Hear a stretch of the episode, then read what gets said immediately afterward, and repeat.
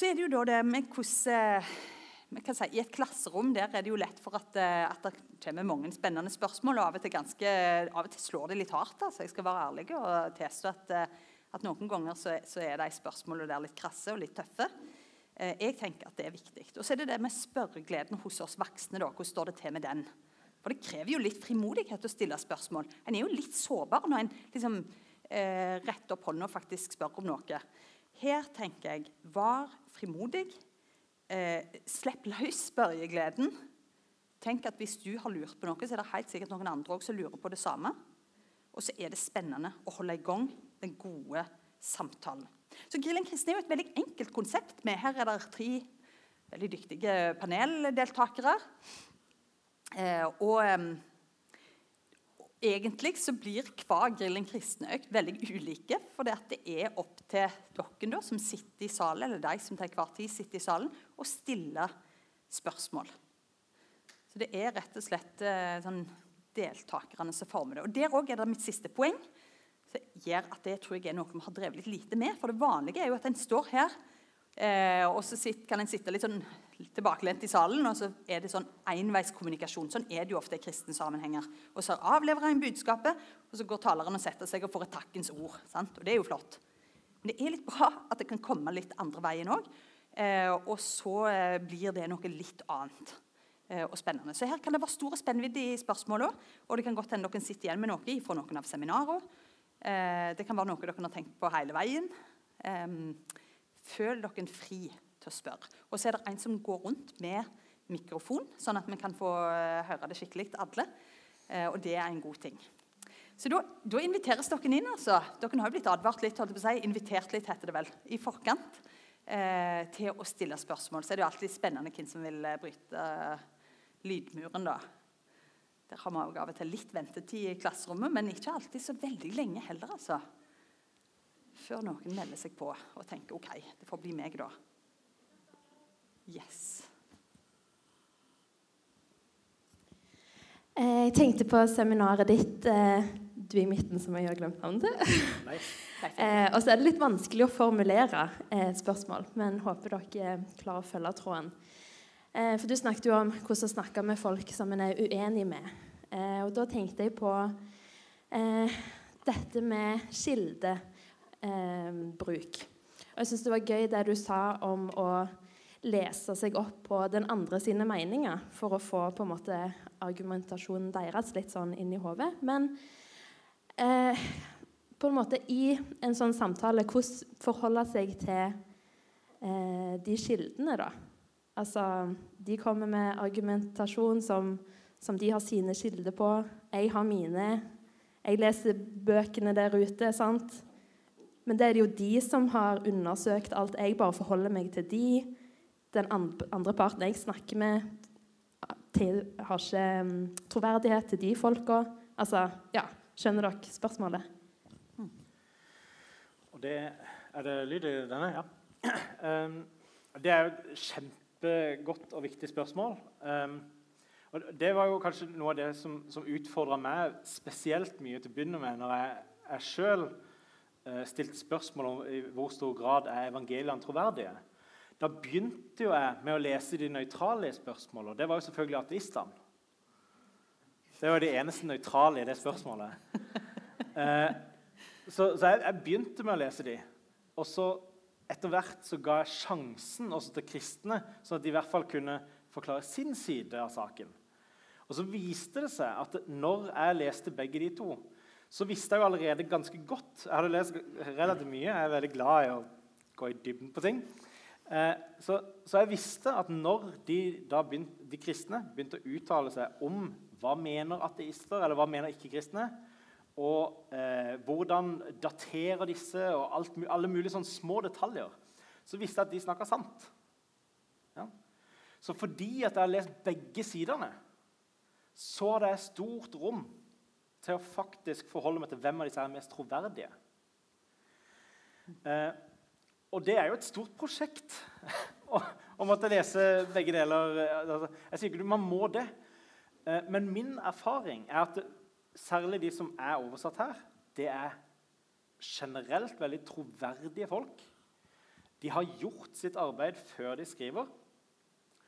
Eh, ting du blir utfordra på fra andre, som, som, går rett imot noe av det du har lært. Undersøk det sjøl. Så bruk eh, Hvis du skal prioritere tida di litt, så begynner du kanskje med å lese det du er enig i. Ja?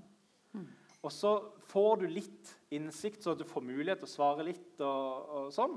Men du trenger ikke sykt god innsikt for å begynne en sånn samtale. Så eh, når du møter på utfordringer, så tar du det som er relevant, når det er relevant. Det er en veldig effektiv måte å lese det som eh, du er. Og jeg, jeg, kan jo si litt sånn, sånn at jeg, jeg, har enda til gode å lese eh, skikkelig gode ateistiske historikere som tar høyde for de beste argumentene på den kristne side. Eh, og det kan være fordi jeg liker upopulære argumenter, altså, men, men eh, jeg, altså, jeg, jeg, ser veldig sjelden at de engasjerer meg de beste argumentene. Mm. Bra. Ja, flott, eh, Leif Egil. Da eh, kan det være noen andre som har eh, og du, Dere må også bare tenke at er det ting da i svaret Dette er veldig typisk for Grillen kristen òg. Så kommer det et svar, og så følger en på det. Men det er òg helt lov å skifte fullstendig tematikk. Det er litt av greia med Grillen kristen. Vær så god. Jeg skifter tematikk. Jeg har spørsmål rundt Eller som kristne så er vi jo ofte satt litt i bås blant ikke-kristne. da at Spesielt i Vesten med litt latterliggjort. Og det er av og til litt flaut kan være kanskje òg. At vi vil jo ikke innrømme det engang når vi snakker om litt sånn uh, vanskelige ting. og The problem of evil osv. Så, videre. så jeg vil bare høre hva dere tenker om Hvis du treffer en kar som Stephen Fry, som er han kjente britiske um, fyren Han hadde jo et intervju uh, der han ble spurt uh, når du, hvis du treffer Gud uh, Hva ville dere sikkert sett dette der oppe? Men jeg må lese det på engelsk. da. Hva ville dere svart han hvis han sier Jeg hadde sagt, sier han, til Gud How dare you? How dare you create a world to which there is such misery? That is not our fault. It's not right. It's utterly, utterly evil. Why should I respect a capricious, mean minded, stupid God who creates a world that is so full of injustice and pain? That's what I would say. Hva sier dere til en uh, sånn kjernekar?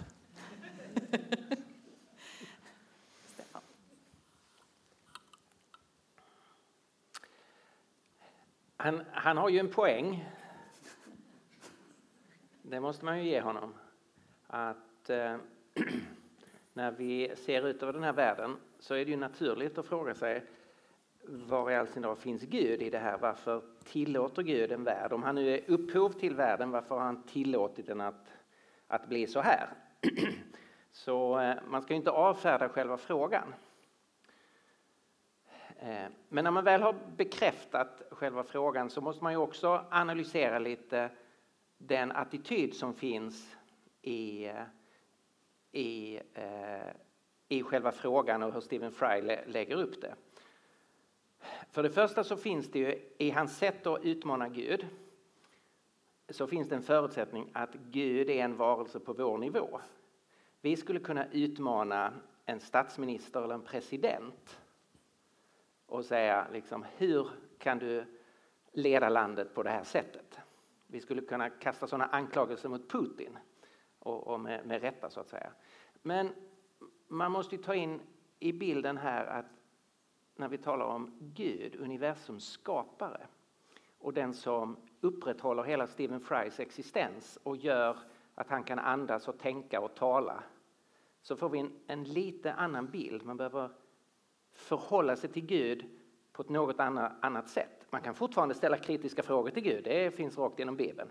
Men man måste erkänna att han är Gud som har skapat hela universum. Han har vissa företräden eh, och han har viss kunskap som vi inte har.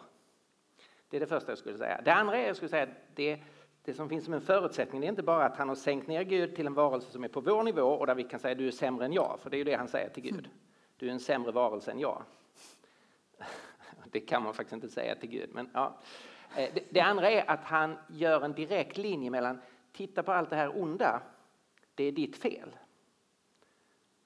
Men det är ju inte den enda möjligheten att Gud är den direkt verkande orsaken bakom varje skeende. Enligt Bibeln så är Gud fortfarande allsmäktig men det är så att han har skapat varelser som har egen agens. Alltså som agerar och har ansvar. Så det är inte Gud som dödar och torterar och våldtar. Alltså de här sakerna sker ju i världen men det är inte Gud som utför dem. Och därför måste man ju lägga anklagelsen på rätt nivå. Så han har ju en alldeles för simplistisk bild av relationen mellan Gud och skapelsen. Medan Bibeln har en mycket mer sofistikerad och komplex bild av vad det är som försiggår i vår historia.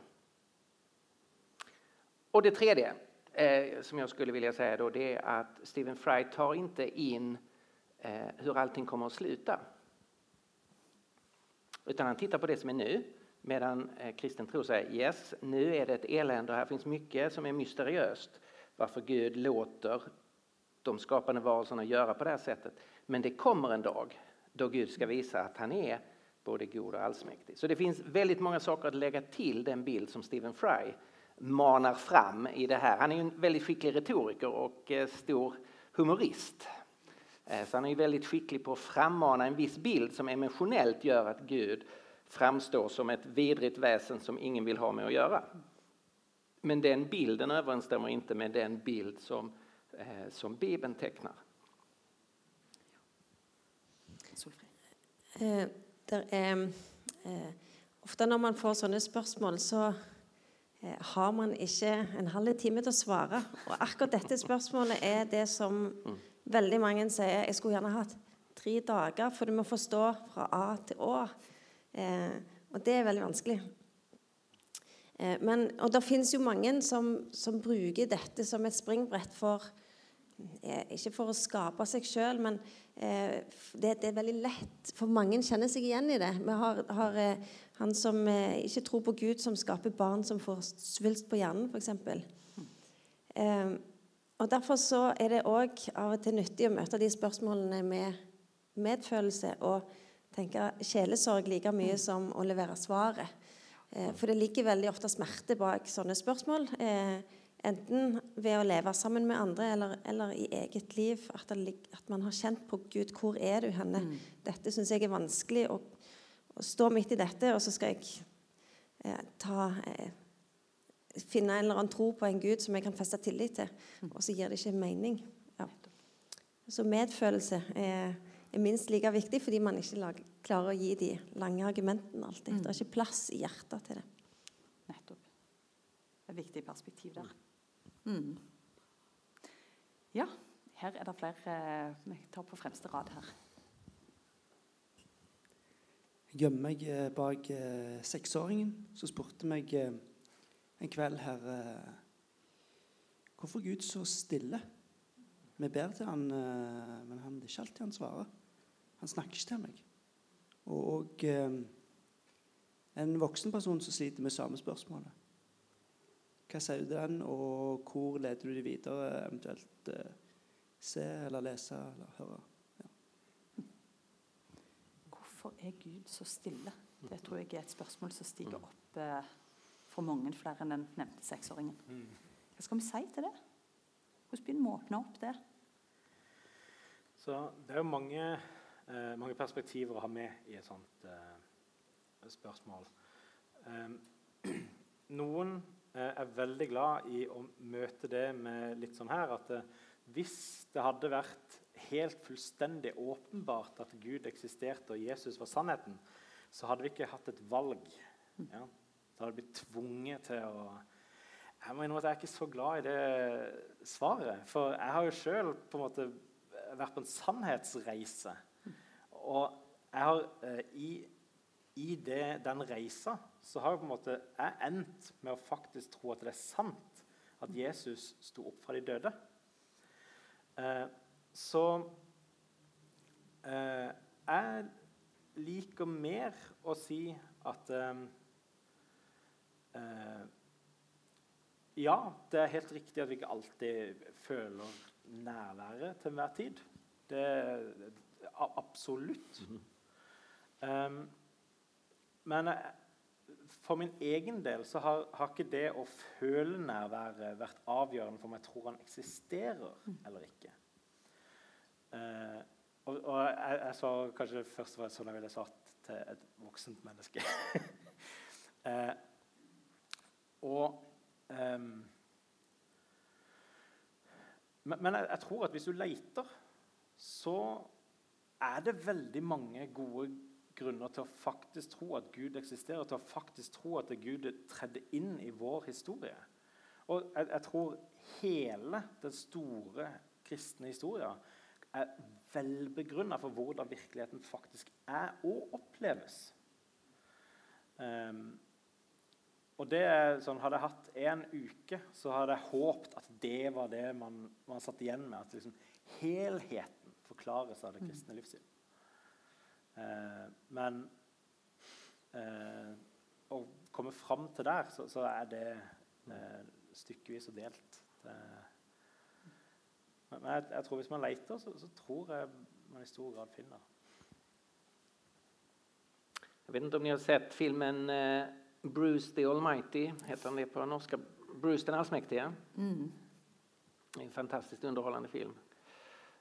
Um, och den visar ju vad, vad, vad, skulle hända om Gud svarade direkt på alla böner som alla människor bad. Och den visar ju att det, det skulle skapa kaos och göra mänskligt liv helt meningslöst. Det, eh, det fungerar inte att vara Gud på det sättet. Och här behöver vi som kristna också tänka igenom vad är bönens funktion. Alltså vi har ju i Bibeln väldigt klara inbjudningar. Be så ska ni få, sök så ska ni finna, knacka på så ska det öppnas. Eh, och sen om man sätter samman Bibelns undervisning så ser man ju att ja, du har de här helt generella, liksom, be så ska ni få. Och sen så står det också allt vad ni ber om i mitt namn, det ska ni få. Eh, och så finns det ett antal andra sådana här kvalifikationer så att säga. Som gör att man förstår att Gud är inte en en godisapparat där vi genom vår bön får Gud att agera utifrån vad vi ber om. Utan det talas också om om vi ber om något som är i enlighet med hans vilja. Och då måste man ju tänka som kristen att bönen, vi är kallade att relatera till Gud, formulera oss själva inför Gud, tala med Gud og och på det sättet dras in i en relation till Gud.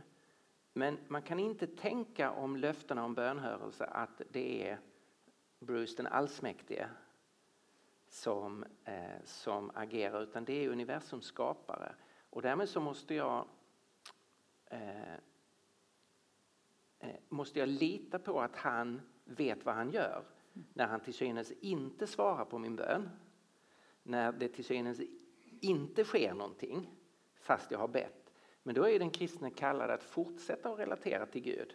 Eh, be till Gud, söka Gud, gradvis också själv förändras genom bönen. Så en aspekt av bönen är ju inte bara att den yttre världen ska förändras utifrån vår bön utan också att vi i den processen när vi, när vi kommunicerar med Gud så kommer vi också förändras och vår bön kommer gradvis att också förändras.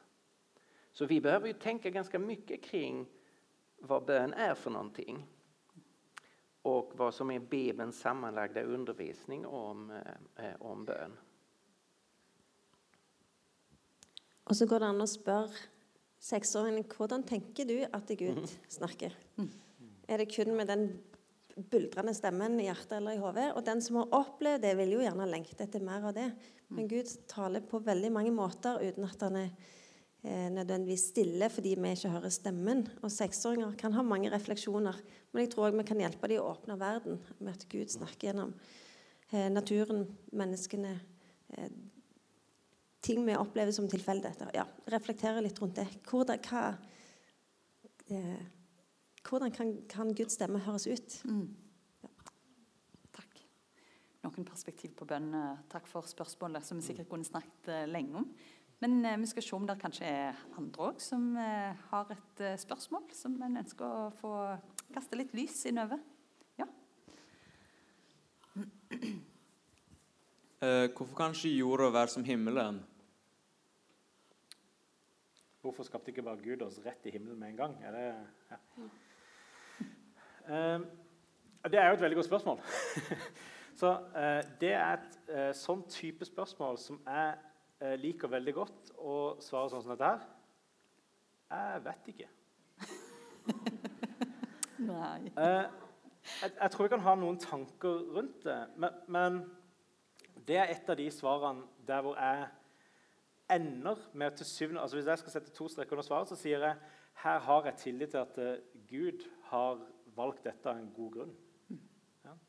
Så jeg har mange andre gode grunner til å ha god tillit til Gud. Så Derfor så velger jeg til syvende og sist å, å legge tilliten der. Så tror jeg at uh, det går an å si noen flere ting. Uh, det går an å si f.eks. at Um, den verden vi lever i nå, det er en verden der hvor vi har muligheten til å oppleve både det onde og det gode. Uh, vi har muligheten til å gjøre ekte valg. Jeg tror vi har noe som heter fri vilje. Vi har muligheten til å gjøre ekte valg. når vi Altså hvis Gud er kjærlighet, noe jeg tror stemmer absolutt, så tror jeg ut av sin treenige kjærlighet før han skapte hele verden, så skapte han verden i kjærlighet. Og for at vi skal kunne ha kjærlighet med Gud, så tror jeg vi trenger evnen til å velge. Jeg vil bruke et bilde for å vise at det, er hvorfor jeg tenker det. Så um, Se for deg at uh, du er hjemme og spiser middag. Uh, du har veldig godt forhold med foreldrene dine. Eh, og de spør hvordan går det med kjæresten din. Jo, det går kjempebra. Det, akkurat i dag er faktisk en skikkelig stor dag. Nå er det tre måneder siden vi har blitt sammen. og eh, I dag så fortalte kjæresten min meg at eh, elsker meg. Og det er så godt å høre det gjør så inderlig. Og så sier eh, faren din da at ja, det var godt å høre. Det var på tide. For der betaler hun jo 10 000 kroner i uka for dette her. Ja. Da er ikke poenget at hun, det er umulig at hun elsker deg. For det kan faktisk være at hun elsker deg, men da er det på tross av betalinga. Ja. Men nettopp eh, altså Vi ville mistenkt at det ikke var ekte kjærlighet. Nettopp fordi det ikke var en, en ekte frihet inni dette. Men det kan være at det var en frihet. Eh, så Derfor så tror jeg frihet er det som kreves for eh, å ha en sånn ekte kjærlighet. Og Med frihet så følger det muligheten til å gjøre dårlige valg. Det er det vi ser i verden vår igjen og igjen. og igjen og igjen. Og det vil jeg si, det, Hvis vi leser Gamle testamentet, så så leser vi bare det igjen og igjen og igjen. Prøver mennesker så godt de kan, og de går bare på snørra hver gang. De er ikke noe flinke til å være perfekte. Veldig dårlige. Ja. Jeg er også det. Eh, så jeg, jeg, vet at jeg, jeg, trenger en løsning på dette. Og Det er den store historien i, i eh, kristendommen. At eh, Gud kom faktisk inn i verden. Eh, levde det perfekte livet. Og så fikk han straffa. Og straffa, konsekvensen av å ikke være perfekt, det er å ikke være med Gud. Død og ikke være med Gud. Så ser vi Jesus. Han døde på korset. Fikk en urettferdig straff. Ikke bare fordi han var uskyldig i akkurat det han ble korsfesta for, men han var uskyldig i sin helhet. Jesus var så Gud så han kunne overvinne døden. Og han sto opp fra døden tre dager senere. Da viste han klart og tydelig at vi kan ha tillit til at en gang i framtida så skal hele skaperverket fornyes. Hele skapverket skal eh, øses med Guds kjærlighet. Og fordi Jesus allerede har tatt på den konsekvensen som det vi får for å ikke være perfekte, så kan vi legge vår tillit til Gud, til Jesus. Så Det er en stor historie. Så fikk jeg dratt inn den. altså. Det er litt deilig. Ja, det er veldig godt. Det er godt. Får oss eh, på sporet av det det egentlig handler om. Men det er iallfall et forsøk på å åpne tematikken litt opp. da. Men det er et stort spørsmål, og det er av og til et sånt vet ikke inni der og en plass òg. Og det er jo viktig å si at i Grill en kristen sammenheng og i de spørsmålene som du kan få rett over, rett over bordet, rett over kafébordet, kjøkkenbordet hjemme, så må en av og til si 'jeg vet ikke'. Og så kan vi tenke at tenkningen herifra er ja, kanskje jeg skal sette meg litt mer inn i det. Det kan være det ene. Og det andre er å erkjenne at vi er bare mennesker. Og det er sånn at vi ikke har fullt innsikt i alt. Men vi kan allikevel lete etter svar og holde oppe den gode samtalen. Vær så god. Um, jeg bare lurer på sånn, Hvorfor ser vi så sjeldent mirakler og under i dagens samfunn? sånn spesielt, Jeg føler sånn spesielt i de norske kirkene. Vi ser ikke så mye av det. Vi hører kanskje om det fra sånn Afrika eller liksom andre store F.eks. når det er sånne store arrangement, så skjer det masse, mange blir helbreda og sånn. Men hvorfor ser vi det liksom ikke i sånn, den vanlige menigheten vi går i, liksom? Ja. Spennende spørsmål. Noen som har lyst til å si litt om det? På et, på et sett så, så behøves det inga eh, tecken och, och mirakel. Eh, Jesus som ju själv gjorde väldigt mycket tecken och under och, och som vilka bevisade att han var Guds son. Eh, han kan samtidigt säga till de som kommer bara för att få se under och tecken att eh, eh, då, blir han väldigt irriterad och, och, säger ni kommer inte få se något annat tecken än profeten Jona tecken. Precis som Jona var i valen, valens buk tre dagar och tre nätter så ska Människosonen dö och efter tre dagar eh, uppstå. Och så görs ju Jesu död och uppståndelse till det förblivande tecknet. Så man måste, man måste säga att Gud har gett oss redan tillräckligt med tecken och uppståndelsen är liksom det definitiva tecknet. Det behövs inga fler tecken. Paulus kan säga i Apostlagärningarna 17 att, eh, att uppståndelsen visar för alla människor att det är Jesus som är utsedd att vara domare. Eh, och det, det, kan vara ganska viktigt att, att, hålla fast vid, alltså att Gud har gett oss redan tillräckligt för att vi ska ha anledning att, att tro på honom. Men sen är det också så att Gud i sin nåd eh, griper in också på ett övernaturligt sätt.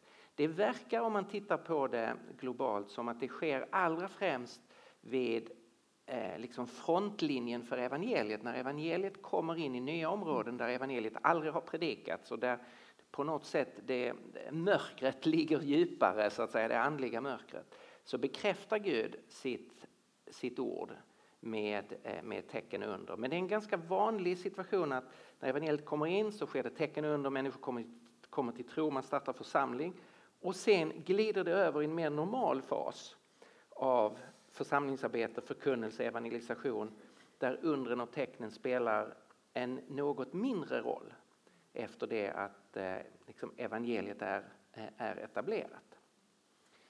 Eh, så jag tror det är ett generellt mönster. Sen kan man väl lägga till ytterligare en sak. Det är ju klart att det spelar roll om vi, eh, om vi ber, om vi har förväntan, om vi räknar med Gud. Det är förstås ytterligare en, eh, en faktor. Om man aldrig ber och aldrig förväntar sig någonting så är det ju inte förvånande om det heller aldrig sker någonting. Så er det jo igjen et spørsmål hva er et under og et mirakel? Er det at vi blir opprettholdt hver dag et mirakel i seg sjøl? Ehm, er det mange ting som vi gjerne ber veldig lenge for, og som skjer veldig gradvis? Og så plutselig så snur vi oss, og så ser vi oi, her har det jo skjedd noe som faktisk må ha eh, vært styrt av noe større enn oss sjøl, og som ikke bare skjedde sånn. Så, så man kan eh, gjerne tenke at man har et bilde av hva et under eller et mirakel er, og så er det, kan man åpne det. At det er, det er, mye mer som skjer rundt oss hver eneste dag, og som, tilsk som kan tilskrives at Gud virker i verden. Både gjennom sine, sin logiske oppbygning og gjennom at han griper inn. Eh, men det er ikke alltid det er så stort eller så synlig eller knytta til en happening i et hus.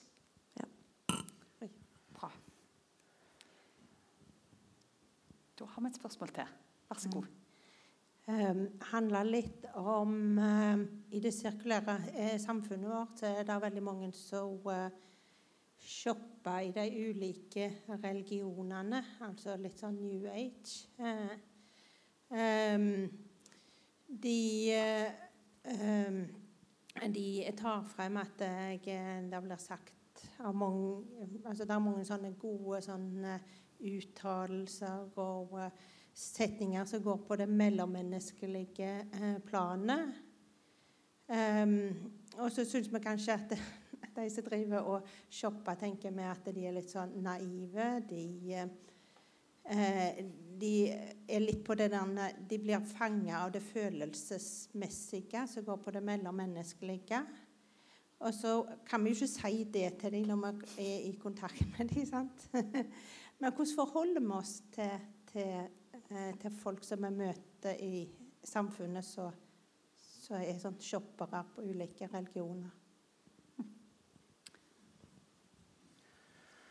Ja, så Det er veldig mange måter å forholde seg til uh, en sånn generell gruppe med mennesker. Uh, men uh, jeg har i hvert fall hatt noenlunde suksess med å prøve å eh, gruppere litt. Ja? For, for, noen påstander er sånn at eh, de kan ikke være sann begge to. Ja? Eh, og hvis den du snakker med, sier at eh, nei, det, det, er ikke sant, så har han allerede der begynt å bruke det prinsippet. Ja? Hvis, det, hvis jeg sier ja, nei, det er enten det eller det, og han sier nei, det er ikke sant. Det kan være både og. Så sier jeg, ok, så du sier det enten, enten eller eller både og. Ok. Så, eh, men, men eh, i, i, hvert fall. Eh, så noen sannhetsting. en eh, sortering jeg liker, f.eks. Eh, når vi ser på spørsmål om Gud. Eh, her fins det noen generelle tanker. Eksisterer Gud? Ja og nei. Er Gud eh, skaper av verden, eller er Gud verden? Det, det vil være veldig vanlige spørsmål å stille i f.eks. For forhold til New Age-type tankegang.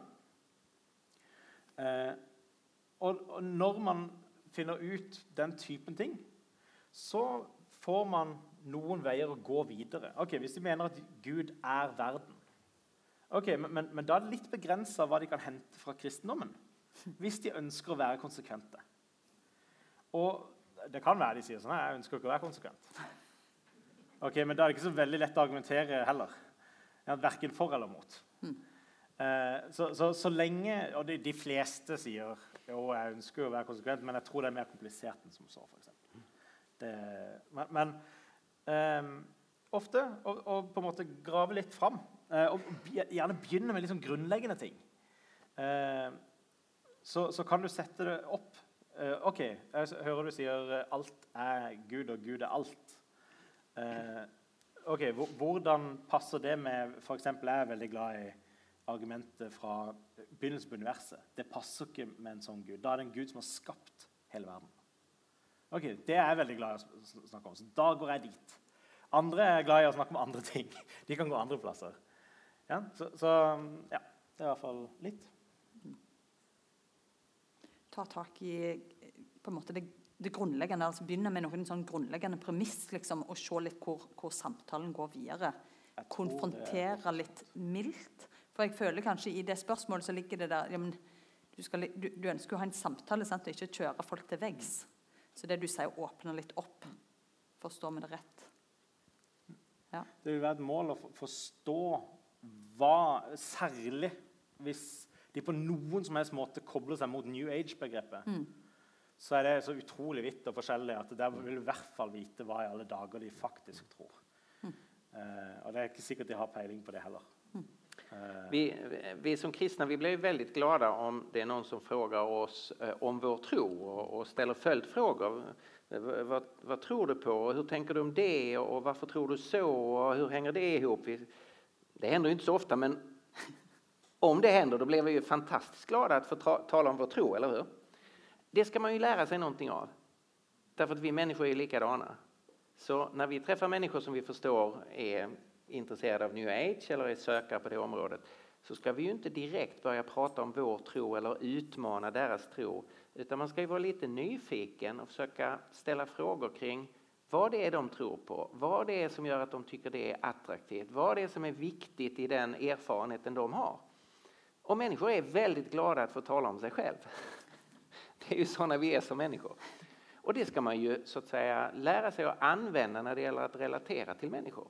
Och sen efterhand kan man ju börja ställa andra sorters frågor också eller jämföra vad den personen berättar med eh, hur vi, hur vi ser på det. Men man ska inte vara för snabb liksom att, att attackera mm. den andra personen utan vara mer nyfiken på vad det är de berättar om, vad de har varit, eh, varit med om. Det är grundtips för dialog. Veldig bra. Fint. Spørsmål bakerst der?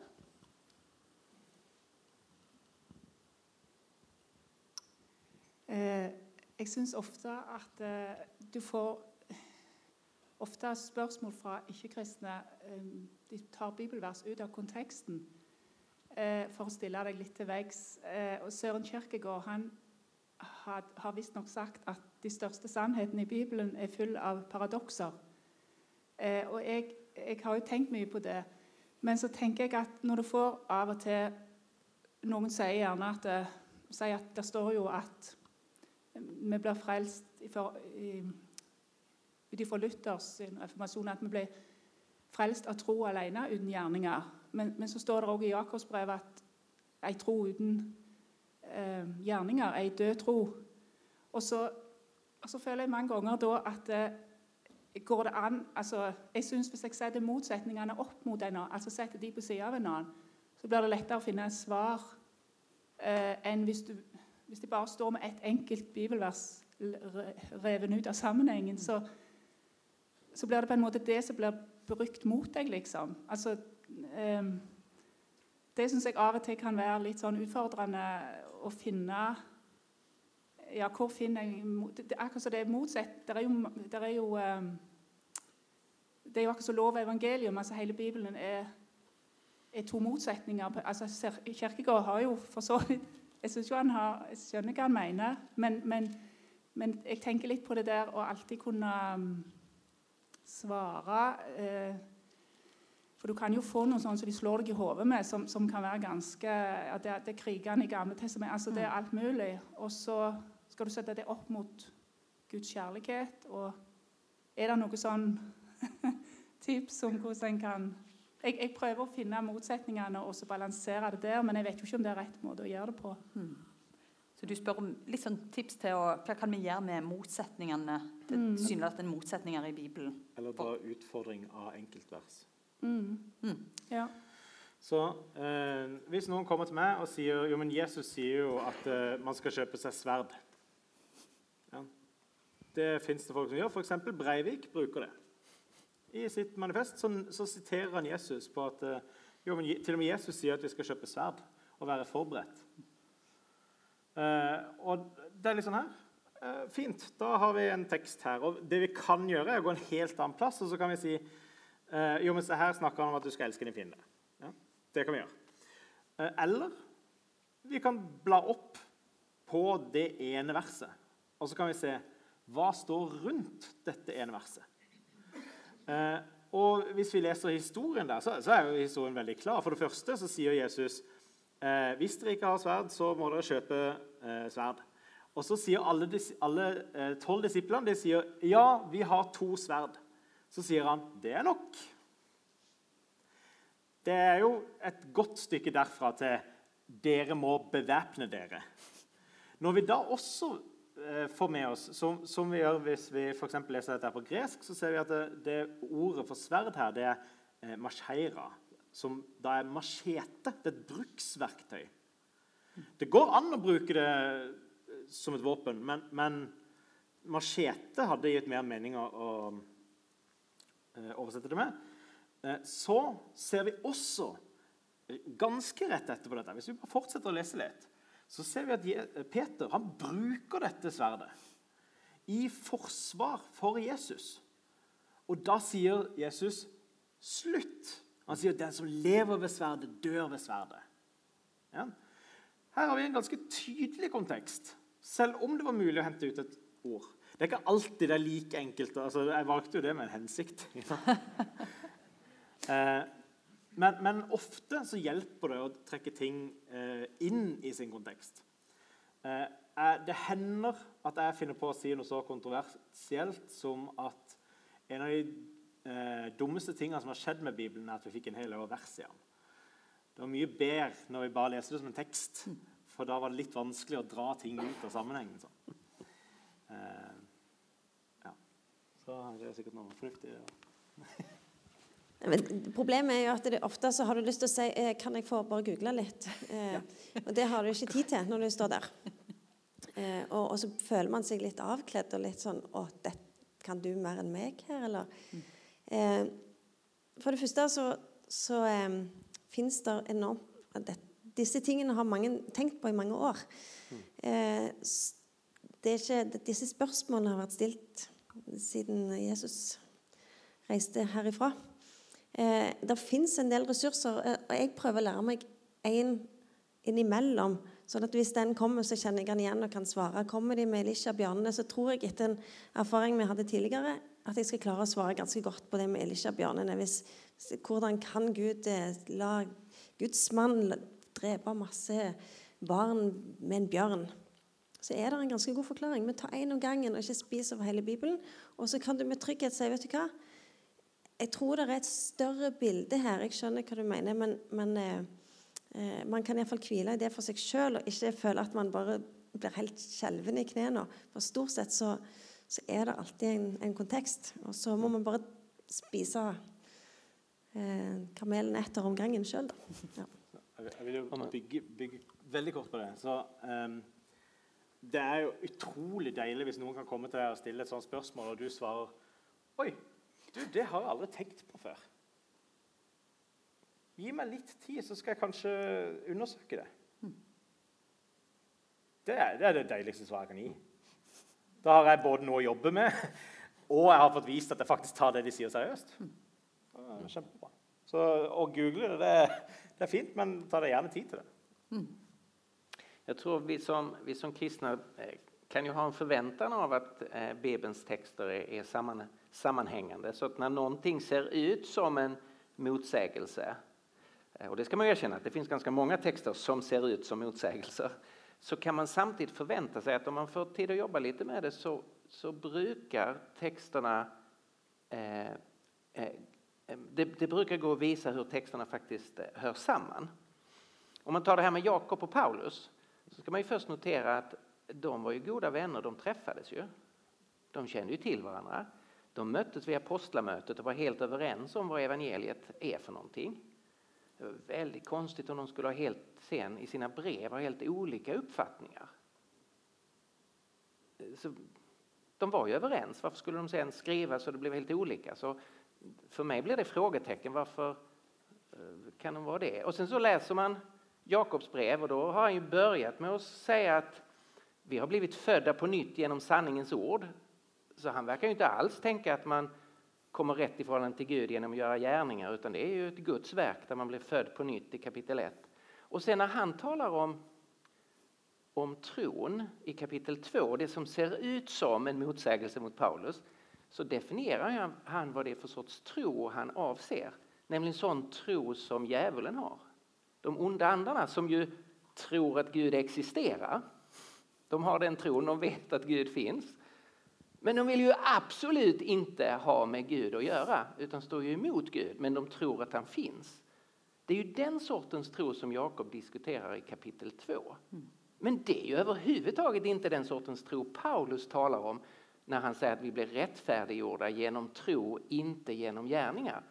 Utan där är ju tro de öppna händerna som tar emot Guds gåva i Jesus Kristus. Alltså den som vill ha med Gud att göra, men på Guds villkor att man tar emot den frälsning han har vunnit.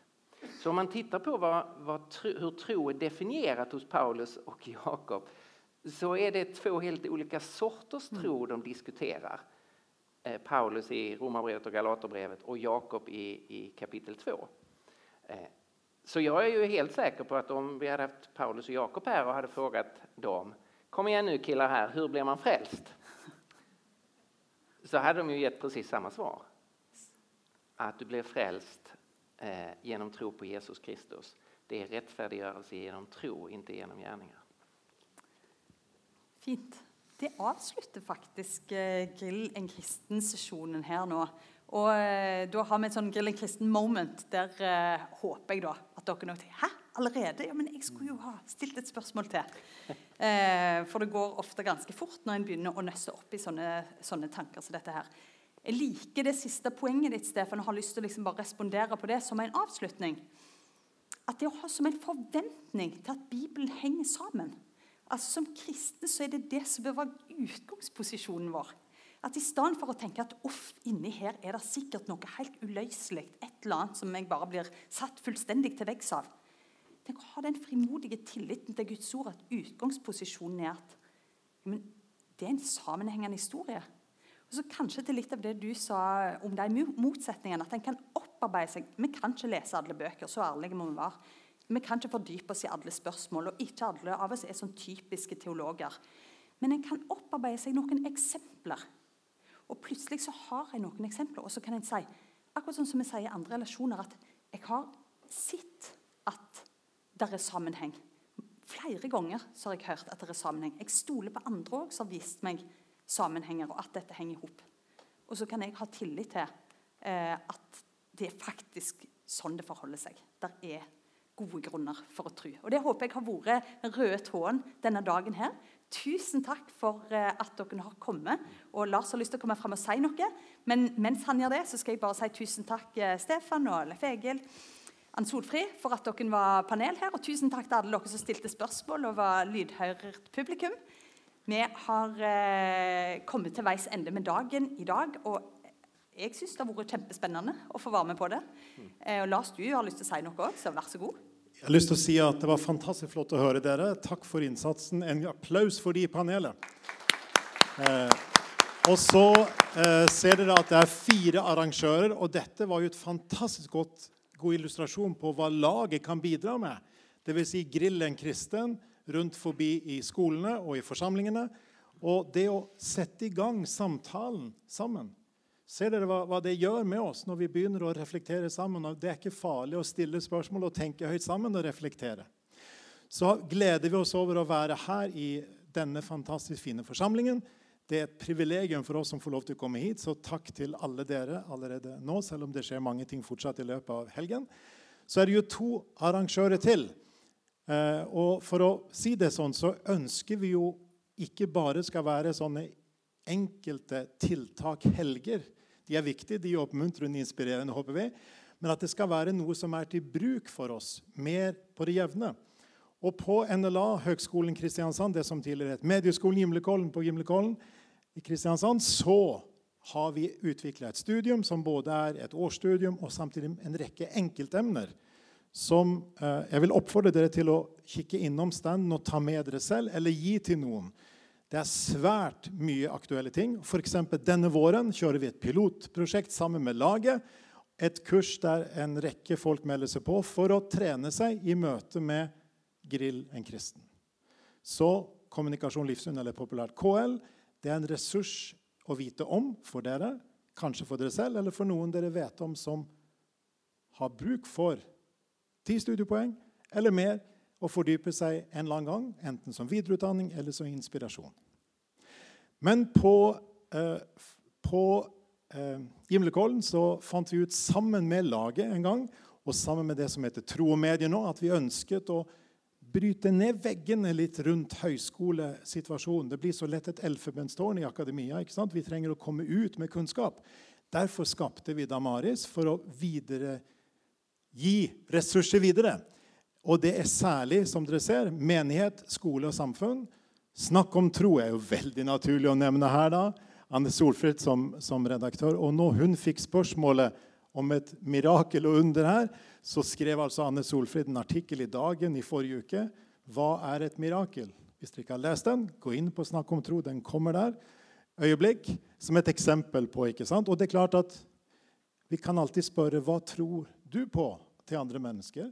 Og vi har fortellingene rundt oss i, mediene som vi, alle, vi alle er interessert i noen slags fortellinger. Og da ligger de som gaver til oss til å bygge bro og knytte an til og dele vår tro sammen med andre i relasjon til det som skjer i mediebildet. Og selvfølgelig, hadde Bjørn vært oppe, så hadde han sagt 'ikke glem bøkene'. Bokbordet. Eh, poenget her er at her ligger det ressurser for oss på nettet og ved bokbordet. Og bruk anledningen også til å ta med dere en brosjyre om KL, kommunikasjon livssyn. Og vi sier takk for fellesskapet sammen, for at dere holdt ut gjennom disse seminarøktene. Og så gleder vi oss til at det skjer også ungdomssamling i kveld og gudstjeneste i morgen. Stefan preker på gudstjenesten i morgen, og Leif Egil taler i kveld på ungdomsmøtet. Takk for nå og every blessing, som det heter.